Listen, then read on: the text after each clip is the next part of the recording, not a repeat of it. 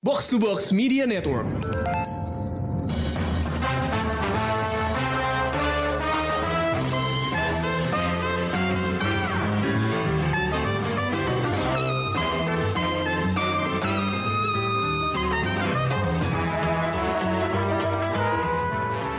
Halo semuanya, ini adalah Showbox Podcast dan kita hari ini akan ngomongin tiga nggak tanggung-tanggung kan, tiga judul ya nggak Emi? Yes. Uh, jadi uh, kita lagi ngeborong konten di Netflix gitu ya. Jadi ada film film uh, Love and Monsters uh, Dylan O'Brien yang main. Kalau lo nonton Maze Runner mungkin lo tahu dia.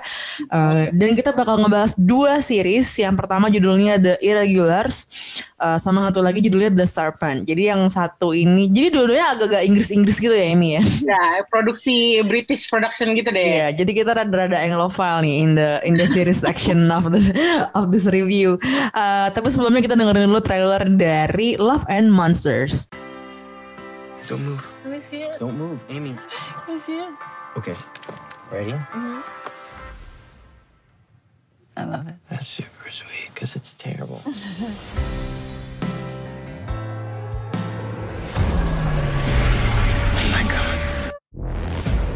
you been, Joel? Amy, I love you. I'm gonna come find you.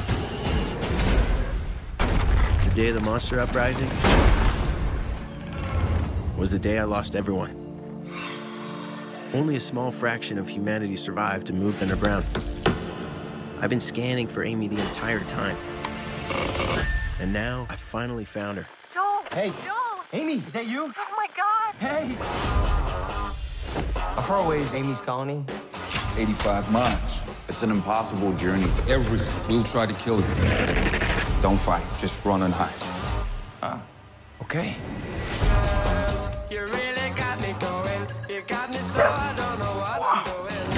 You all alone? Me too. You don't have to talk about it. You want to come with me?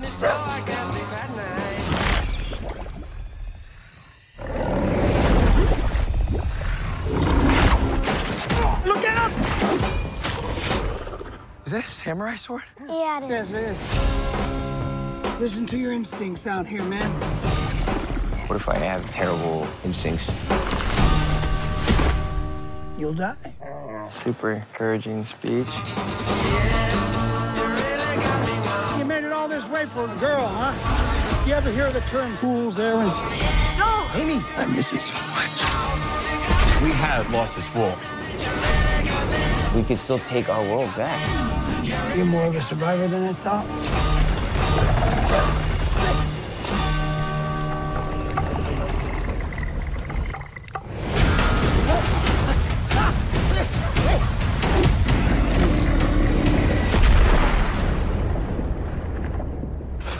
Oh, That was awesome.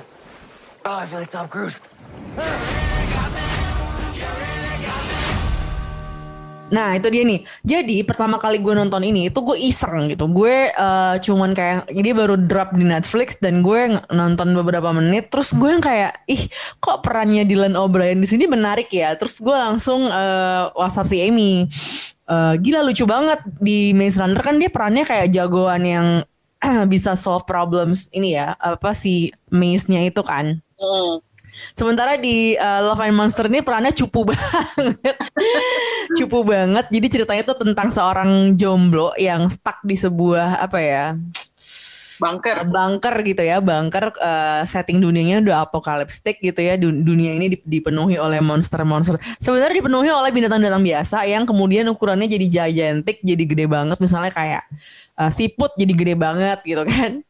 Eh, crab jadi gede banget semuanya dan jadi membahayakan buat manusia gitu. Tapi eh, dia dia intinya dia tuh naksir dengan seorang cewek dan dia karena dia jomblo di bunker teman-teman semuanya teman-temannya dia semuanya di bunker tuh punya punya pacar akhirnya dia memutuskan untuk eh, oke I'm gonna leave the bunker and find my eh, long lost love gitu. sebenarnya kalau dari segi eh, ininya ya Amy dari segi eh, premis ceritanya itu kayak ya elah banget gitu sebenarnya. Cuman eh, perannya Dylan O'Brien ini sebenarnya yang membuat filmnya jadi menghibur gitu. Kalau lo gimana?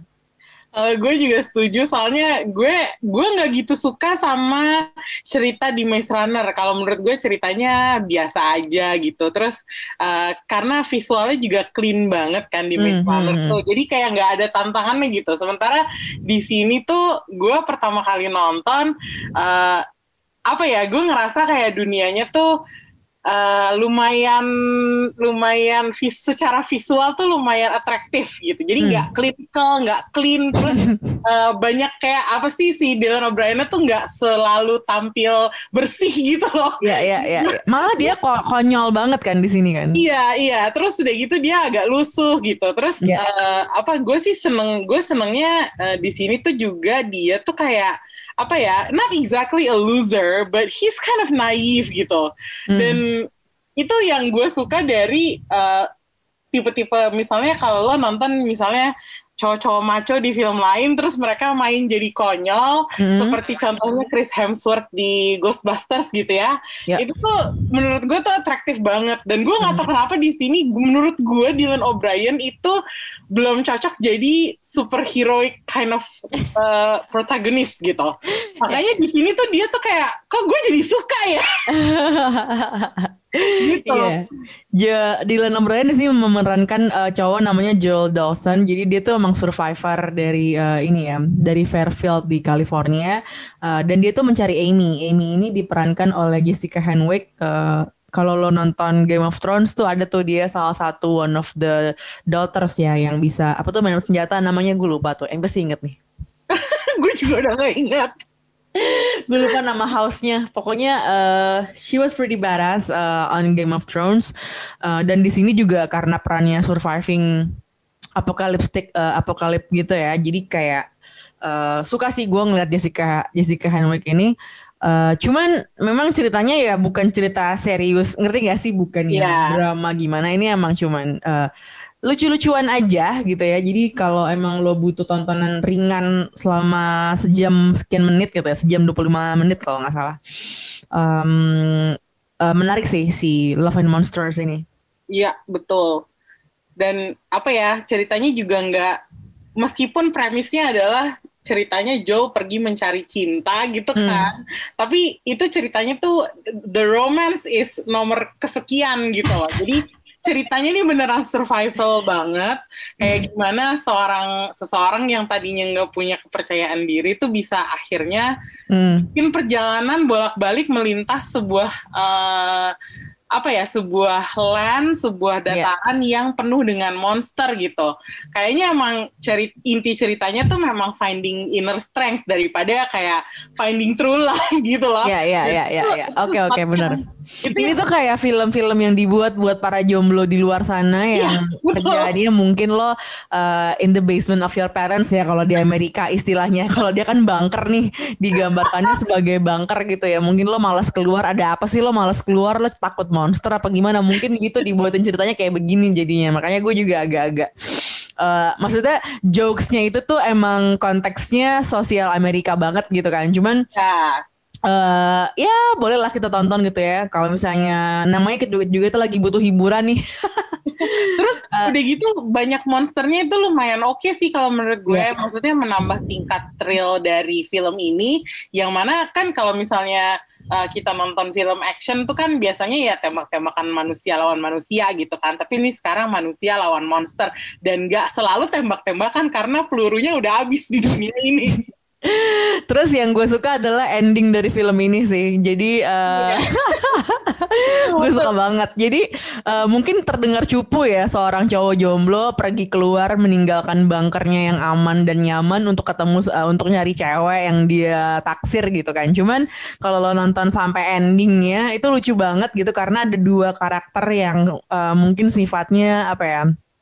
Uh, supporting lah ya dalam cerita Ya. ini gitu. Cuman perannya cukup krusial karena mereka ini jadi dua orang yang ngajarin uh, Joel bagaimana caranya bertahan hidup gitu dan ngelawan monster-monster ini dan Indian kalau lo nonton karakter perkembangan karakternya Joel dan endingnya dua orang lagi melihat dari jauh terus mem- apa kayak memantau uh, si Clyde ya Clyde sama Mino nih bapak sama anaknya itu memantau perkembangannya Joel tuh gue ngakak sih sampai endingnya tuh menurut gue uh, kuat banget sih endingnya. Kalau menurut gue memang dua karakter ini justru porsinya rada kurang sih Liz. Kalau Iya, ha, ha. lebih menarik mereka soalnya. Ya, karena eh, pada saat Joe bersa Joel bersama mereka itu justru momen-momen terbaik di film ini sih kalau menurut gue. Iya, ha. Sayangnya memang emang mereka nggak dimaksudkan untuk jadi kayak apa ya eh, nggak throughout the film aja gitu. Memang Hmm. perjalanannya Joel emang nggak selalu sama orang-orang yang sama gitu kan. Jadi Iya. ya agak sedih juga sih. Tapi gue seneng banget waktu ngeliat mereka berdua balik di endingnya gitu. Iya, itu yang jadi karakter cowoknya si Michael Rooker tuh kalau lo nonton eh, Walking Dead ya, Walking Ya, Dead. Walking Dead. Terus Among many juga- others, eh, itu agak di sini kan karakternya baik gitu ya. Jadi gue agak-agak, wow, kalau di Walking Dead ini nyebelin banget. Eh, di sini dia agak-agak protagonis gitu, jadi lumayan membuat gue eh, surprise. Oke, next kita akan bahas series eh, ini menarik banget, gue suka banget. Cuma gue belum selesai nonton, Amanda udah selesai. Eh, ini judulnya The Irregulars. Em, settingannya di London, di London eh, cerita tentang Sherlock Holmes. Cuman ini menarik banget karena nanti kita ceritain, tapi kita dengerin dulu trailer dari The Irregulars.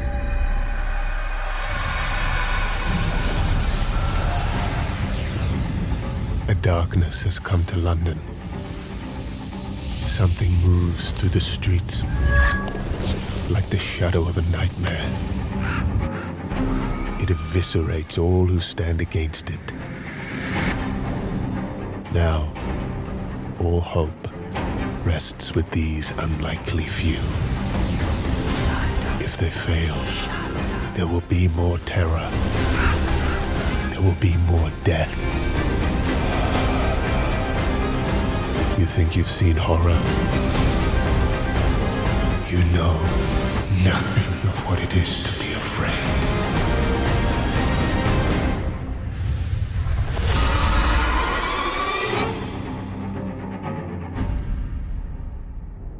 Nah itu tuh, jadi ini tuh gue kaget banget karena nonton ini eh gue nggak nyangka ternyata genrenya ada supernatural supernaturalnya. Jadi kayak kayak rada-rada eh, cerita Sherlock Holmes digabung sama Doctor Who kalau gue kalau gue Iya, ngerasanya. Iya, karena iya, tiba-tiba loh loh kok ada orang yang bisa mengendalikan burung-burung? Loh kok bisa ada kayak Frankenstein? Jadi gue agak-agak surprise sih baca cerita ini eh, apa ketika nonton cerita ini gitu kan. Eh, lo gimana ini Kalau gue eh, jujur aja, gue udah lumayan denger tentang eh, serial ini Hmm. karena waktu itu pernah nonton trailernya. Waktu itu Netflix ngeluarin trailer, terus gue nonton, terus gue langsung kayak, ah ini gue harus nonton nih gitu. Soalnya eh, nama The Irregulars itu udah gue kenal sejak gue eh, baca dan nonton film-film Sherlock Holmes yang terdahulu ya. Ya, Hmm. Kalau kita tahu kan eh, apa The Irregulars tuh kayak apa sih semacam grupnya Sherlock Holmes yang ngebantu India gitu. Kadang-kadang mereka eh, kadang-kadang mereka setara sama dia like you know detectives and all. Kadang-kadang juga The Homeless Network yang ngebantu India gitu. Nah, eh, waktu gue tahu ini fokusnya di The Irregulars-nya yaitu orang-orang yang ngebantuin Sherlock Holmes tapi nggak nggak akan fokus di Sherlock Holmes-nya itu itu gue tertarik banget karena eh, karakternya difokusin ke anak-anak muda gitu. Lo lo mikir kayak gimana bisa anak-anak ini ngebantuin uh, seorang detektif yang hebat banget seperti Sherlock Holmes gitu. Tapi di sini uh, ternyata yang kita lebih lihat lebih banyak tuh adalah uh, si John Watson-nya. Ya. Dan di sini Sherlock Holmes-nya tuh adalah figur yang uh, bisa dibilang buruk banget sih kalau menurut gue. Gue nggak pernah lihat Sherlock Holmes seburuk ini Ya. Sampai dia tuh kayak udah- buruknya buruknya bukan berarti eh, diperankan dengan buruk ya tapi Ya. maksudnya eh, penggambaran karakternya tuh emang dia tuh kayaknya lagi jatuh-jatuhnya tuh Iya. karena ya kayak gitu. he's at his lowest gitu dan ya eh, eh, eh, apa ya uh, dan it feels like he's alone gitu. Ya. Dan dia seperti menolak bantuan banyak orang gitu. Iya. dan gue juga sukanya di sini adalah John Watsonnya galak banget boh Iya, dia nggak nggak seperti udah mana ganteng banget ya kan si John Watsonnya di sini. I'm sorry Martin Freeman but this one. gue gak akan habis. Soalnya soalnya si si aktor yang meranin eh, Wa- Watson di sini tuh main di The Witcher dan dari The Witcher itu gue udah kayak mulai naksir-naksir gitu sama dia. Dia main di Iya, sini kan, tapi gue galak banget ya. Tapi kok semakin galak semakin semakin hot gitu. Iya iya iya. Jadi kalau lo nonton misalnya Sherlock versi Benedict Cumberbatch sama Martin Freeman itu kan yang galak tuh Sherlocknya gitu. Terus si Iya. Johnnya tuh yang uh, the everyday man yang kerjanya tuh iya dia mengimbangi karakternya Sherlock lah. Kalau di sini tuh kayak kebalikannya gitu loh justru. Betul. Mm. Betul Udah banget. gitu yang gue agak kaget adalah sih benar genre supernaturalnya itu. Jadi gue I didn't see that coming at all kalau gue. Udah gitu kita sempat ketemu. Jadi tuh perkenalan dengan karakter Sherlock itu nggak terjadi sampai sekian episode gitu. Jadi awalnya lo ditemuin sama John Watson, terus lo ketemu sama Holmes Brothers, baru ket- eh, maksudnya lo ketemu sama Mycroft-nya dulu gitu ya Ya, ah. Baru habis itu lo ketemu sama Sherlocknya dan itu de mereka tuh kayak nggak buru-buru gitu jadi gue suka nggak Iya. nggak nggak langsung harus ada Sherlocknya kelihatan gitu kan jadi memang ini tuh dia itu memang apa ya dekonstruksi karakter Sherlock Holmes yang sudah banyak apa ya diromantisasi ya sama Nah, banyak betul, film betul. dan eh, series yang selama ini kita tonton gitu kan jadi di sini tuh bener-bener Sherlock tuh bukan pahlawan yang wah apa ya gimana ya with a halo on his head gitu loh. Jadi bener-bener karakter yang penuh dengan flaws eh, yang tadi Amy bilang tuh dia tuh lagi buruk-buruknya in a way uh, at his at the lowest point of his life lah gitu. Jadi mm, mungkin lo agak kaget kalau misalnya terbiasa dengan karakter Sherlock yang misalnya ada di series atau ada di film gitu kan. Itu kan sangat wah protagonis yang bisa memecahkan kasus gitu kan. Sementara di sini tuh dia kayak bukannya gue bilang cupu ya tapi dia sangat apa ya susah payah banget lah gitu Ya. untuk bahkan untuk uh, put himself uh, together gitu. Jadi uh, menurut gue malah menarik ya dan sangat manusiawi banget jadinya. Iya, dan uh, cast anak mudanya yang The Irregulars yang membantu si uh, Hmm. Watson dan Sherlock ini juga mereka tuh bukan main-main ya kalau menurut gue lima orang anak muda yang uh, akhirnya menjadi fokus ceritanya yaitu B, terus ada Spike, terus ada Billy, terus ada Jesse Hmm. sama uh, Leopold itu mereka tuh gue nggak ngerti gimana mereka Padahal setahu gue mereka tuh kayak lumayan baru ya, lumayan Iya. baru dalam dunia acting, tapi mereka punya chemistry yang kuat banget sampai mereka tuh bisa ngimbangin eh, ka- apa eh, karakternya Watson dan akhirnya karakter Sherlock gitu. Drama di antara karena eh, anak-anak ini ternyata sangat terkait ya sama eh, Holmes dan Watson. Kalau menurut gue, ya gue nggak bakal cerita sih supaya nggak spoiler ya. Tapi eh, gue nggak nyangka bahwa kaitannya tuh seperti itu gitu. Dan itu juga kalau Lisa mungkin lebih eh, kaget sama versi apa sama sisi supernaturalnya. Iya. Tapi kalau Hmm. gue sama ternyata eh, the dynamic is not what I thought it was gitu. Hmm. Karena uh, ada kaitannya dengan masa lalu uh, si B dan Jesse juga gitu. Ya. Makanya ini tuh kalau lo tonton dari misalnya lo nonton uh, versi BBC-nya Sherlock yang dimainin sama Benedict Cumberbatch dan uh, Martin Freeman, ini kayak really a real turnaround. Jadi jangan harapin cerita yang sama gitu. Kalau menurut gue sih harus di warning ya. Kalau kita dari tadi ngomongin Sherlock sama Watson gitu, uh, itu tuh jangan dibandingin, jangan jangan disamain aja gitu. Hmm, ya, ya, ya. Tapi eh, menurut lo eh, gimana dengan cerita yang ditawarin sama The Irregulars ini dengan segala supernaturalnya itu? Hmm, kalau gue sih menikmati aja ya, karena uh, gue pernah nonton satu seri yang uh, settingnya sama di Victorian England, uh, terus karakter-karakternya berdasarkan karakter-karakter buku, uh, dan mereka menginvestigate uh, supernatural mysteries gitu. Hmm. Memang agak jaring sih, karena kita selama ini nggak pernah, kalau setahu gue uh, buku-buku Sherlock Holmes sedikit menyentuh ver- eh, sisi supernatural, tapi nggak segitu dalam dan Hmm. pada akhirnya bisa dijelaskan dengan you know the deduction of Sherlock Holmes yang yang selalu terdengar rasional gitu Iya, kan. iya, Nah, iya. tapi eh, tapi emang kalau misalnya contohnya kayak The Hound of Baskerville itu kan cerita yang agak nyerempet nyerempet ke Yes, supernatural gitu. Iya. Makanya jadi gue gue justru seneng mereka mengembrace sisi supernatural ini Lis. Jadi Iya. gue merasa kayak akhirnya ada sebuah Iya. cerita Sherlock Holmes Hmm. yang beneran supernatural gitu. Nggak cuman sekedar kayak apa sih? uh, oh ternyata dia uh, apa namanya ini hantu bohong-bohongan gitu. Iya. Kayak gitu. Gue nggak tahu. Gue gue seneng aja sih. Makanya this this might be one of my favorite series this year. Hmm, ya ya ya. Jadi kalau kita ngomongin uh, Holmes tuh kan selalu orang tuh uh, Rabbit tuh ngomongin canonnya gitu, kan canonnya uh, kan apa uh, Sir Arthur uh, Conan Doyle buku-buku yang udah dia tulis gitu kan. Nah, Baker Street Irregulars tuh dulu emang munculnya di buku The Sign of the Four gitu kan. Memang itu beneran ada tuh si kata irregularsnya itu. Cuman eh, seperti yang tadi Amy bilang, mereka ini kayak nggak malu-malu untuk tegas ya udah kita emang pengen ngebahas sisi supernaturalnya aja dengan segala. Maksudnya dia nggak berusaha fit in juga and that we Hmm. can actually enjoy gitu ya. Yes. Makanya kalau lo mau ber- mau ambil langkah yang beda, ambil uh, membuat sesuatu yang beda, langsung aja di 100 Ya. senin gitu. Jangan sedikit-sedikit terus malu-malu gitu. Nanggung-nanggung ya, Ya, mendingan jangan kayak dari nanggung-nanggung. mendingan kayak di regular sini sekalian langsung gitu. Ya, betul. Oke. gue nunggu-nunggu Moriarty.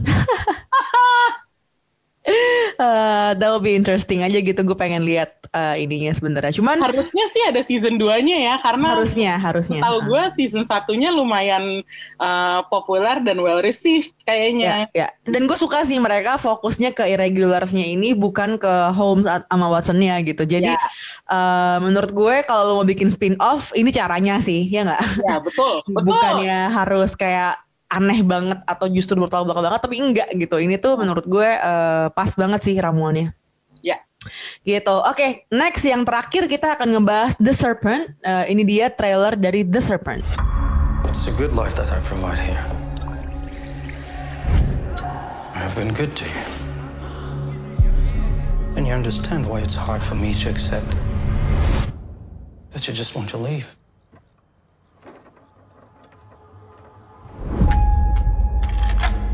Our home is always open to friends. Who is your guest, Ajay? Oh, you're the gem dealer. He is the gem dealer. My husband, Alain. We have a network of couriers throughout Asia and Western Europe. Which is how we are able to offer such attractive prices. To France. To France. To France. What's wrong with us? I'm looking for two backpackers. I work for the Dutch embassy.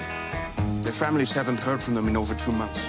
I have letters they wrote home in which they both describe meeting a French gem dealer based out of Bangkok.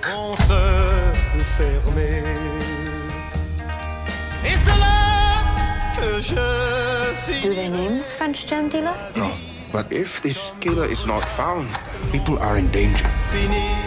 What is my risk next to that? What is your risk?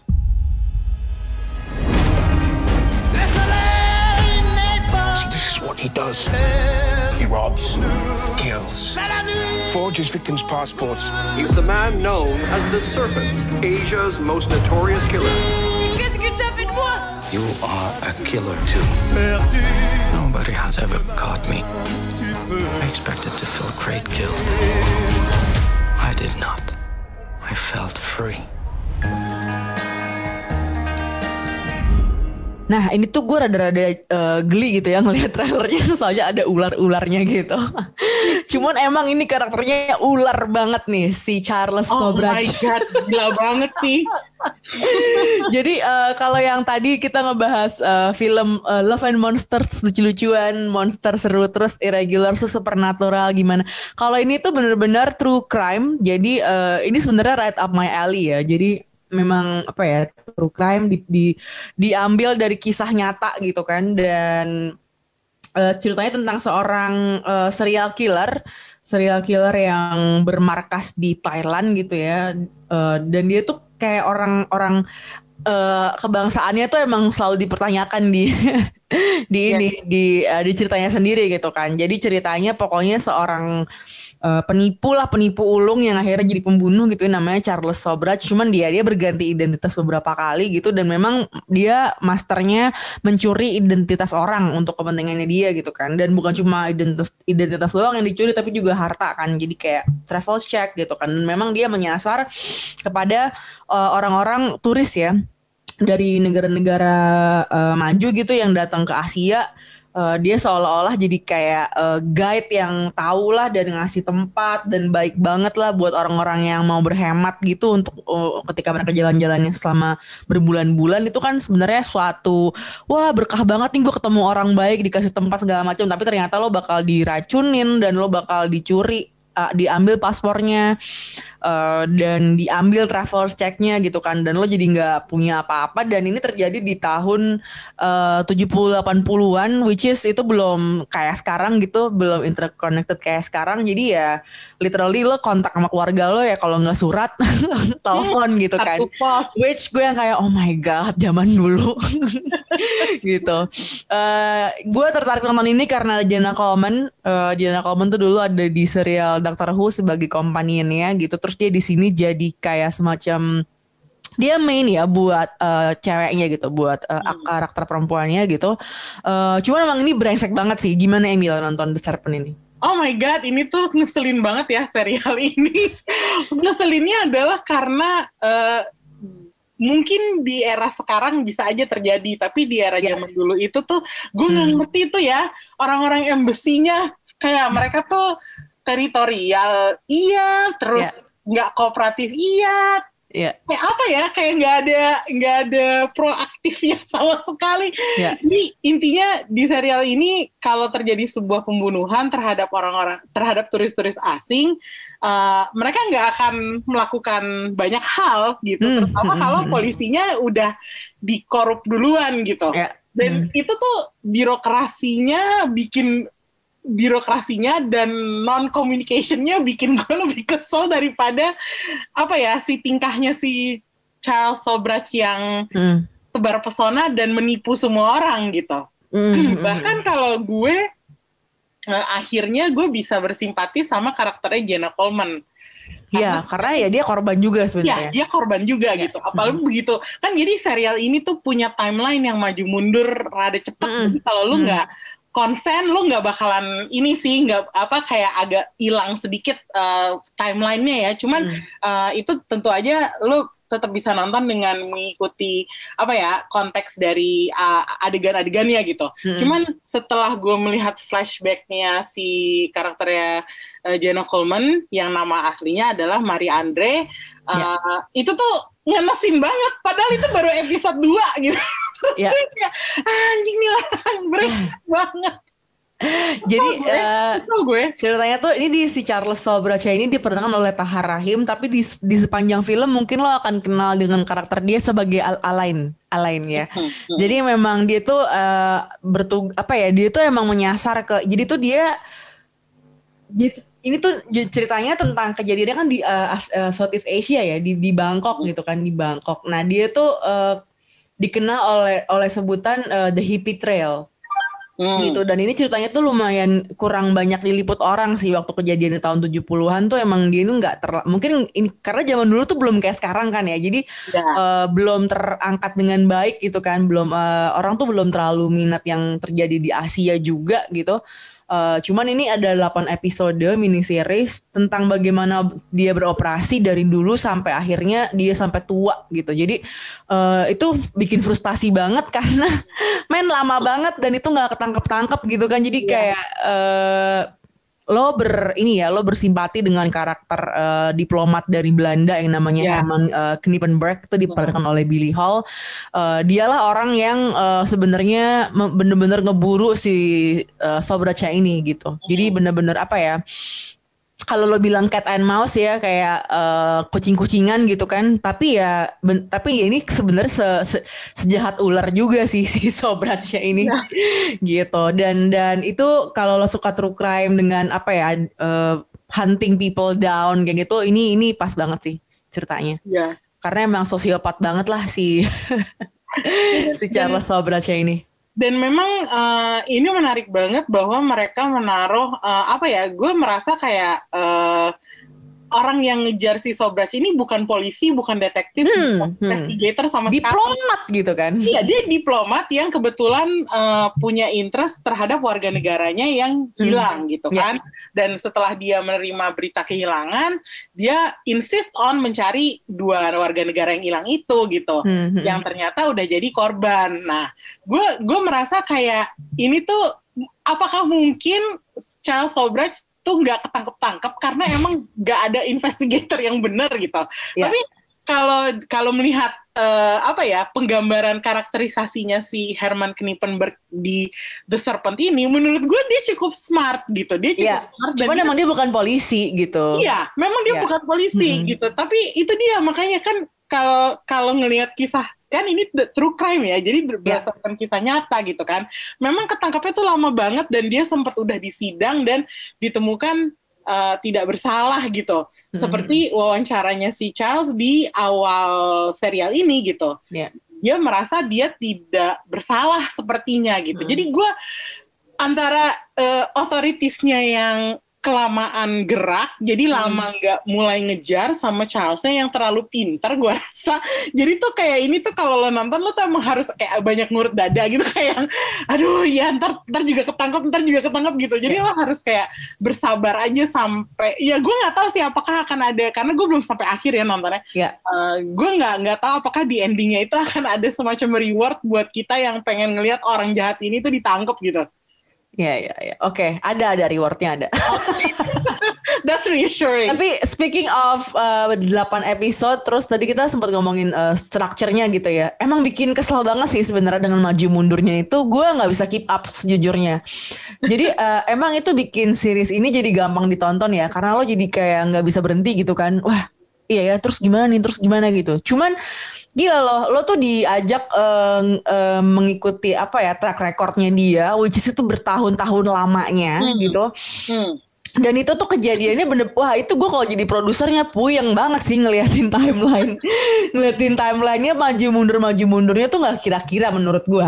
Tapi ya udahlah ya, maksudnya itu pilihan mereka gitu. Cuma kalau gue ngerasanya kayak banyak bagian yang eh, agak-agak nggak konsisten gitu ya dan dan lompat apa ya lompat waktunya tuh agak nggak tahu kayaknya convenient banget aja gitu. Jadi Iya. eh gue nggak bisa fact check ya maksudnya gue percaya aja dengan yang ada di itunya gitu ya cuman I don't know gue agak-agak skeptis di bagian ininya cuman oke lah ini karena dia true crime dan di based on true story ya ya jadinya lo diajak apa ya recreate the last days-nya itulah dari masih apa sih eh, korban-korbannya itu jadi kayak nggak tahu jadi aduh eh, lumayan susah juga sih untuk ditonton bukannya susah ceritanya rumet ya tapi karena eh, psikologis juga gitu Iya, dan ya itu dia kalau menurut gue maju mundur ceritanya tuh kalau gue menurut gue itu hanya jadinya sekedar gimmick aja. Hmm, Karena mungkin mereka nggak tahu caranya untuk menceritakan semua korban-korbannya itu karena banyak banget kan korbannya. Hmm. Jadi gue nggak tahu apakah ini trik mereka untuk kayak eh, bikin sebuah narasi di mana semua korbannya bisa terlihat dan masuk juga eh, terus menampilkan proses investigasinya. Iya. Eh, gue nggak ngerti lah alasan dibalik eh, pemilihan yaitu eh, maju mundur maju mundurnya itu. Cuman kalau gue merasanya itu tuh sebagai gimmick aja. There are other ways to storytell that could be more efficient. Tapi ya udahlah kalau menurut gue ini udah cukup entertaining. Jadi ya gue terima aja gitu. Ya. Gitu deh. Itu ya pembahasannya tadi soal langsung tiga nih satu episode gila. Nextnya eh, kita bakal ngebahas Mortal Kombat, tapi gue sama Amy sudah membuat tag kalau kita nggak akan nonton yang versi disensor. Betul. we believe in Jota Slim loh, nggak? Maksudnya kita Maksudnya kita pengen nonton versi fullnya. Jadi ketika nanti itu rilis di HBO Max eh, tanggal 23 April ya. Hmm. We'll be doing a review of that version. Jadi kalau uh, lo ada yang nonton di bioskop ya mungkin nanti bakal beda tuh yang ditonton sama yang kita nonton di HBO Max. Gue sedih sih karena uh, nggak uh, nonton di layar besar, cuman ya gue lebih percaya nonton versi full dibanding yang udah disensor karena denger dari beberapa teman ternyata sensornya cukup parah ya, cukup lama gitu. Hmm. Dan ya ada yang gitu bilang ya. sekitar 50% bahkan. Wow. Uh, itu sih apa tuh yang mau di-review kalau 50%? gitu. Jadi uh, ya, yeah, Amy and I will be doing the review of Mortal Kombat uh, Uncensored. Jadi kalau lo punya VPN, stay tune nonton nonton dulu uh, di HBO Max. Nanti kita ketemu lagi di episode selanjutnya langsung ngomongin Mortal Kombat. Ya nggak Amy? Yes, of course. Kita udah bakal nonton itu udah nggak sabar sih sebenarnya. Gue ya, juga betul. sekalian mau mau lihat-lihat uh, ada apa sih di HBO Max karena ini bakal pertama kalinya gue buka HBO Max. Oke, okay, thank you banget udah dengerin Showbox. Sampai jumpa minggu depan. Bye-bye. Bye.